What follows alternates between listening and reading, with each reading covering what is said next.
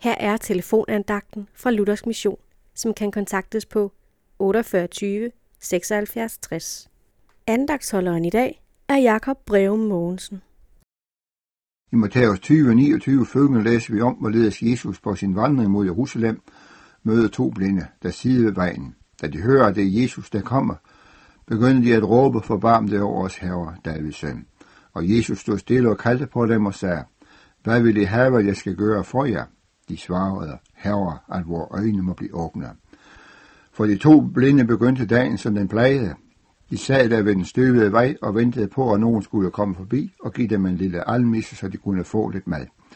Og dog så bliver denne dag en dag, de aldrig senere glemte, fordi det, som de mødte, ændrede deres liv totalt. For mens de siger der ved vejen, sker det forundelige, at Jesus kommer forbi. Og det skaber et håb og en længsel i deres hjerter, efter at få et møde med ham. Og de begynder at råbe, Jesus forbarm dig over os. Og det forundelige skete, at Jesus hørte deres råb og stanser. Sådan er Jesus. Han hører hvert råb, der bliver sendt til ham. Det må du vide, også selvom du måske ofte har oplevet det sådan, som om Jesus ikke hørte det. Så er det alligevel en forundelig sandhed, at Jesus altid hører os. De blinde havde et ønske, nemt at de måtte få deres syn igen, og under skete. Jesus åbnede deres øjne, og de kunne se.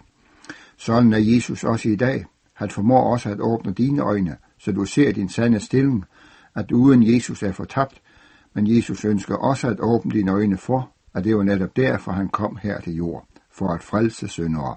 Må Gud velsigne dig, at også du må se Jesus som din frelse. Amen.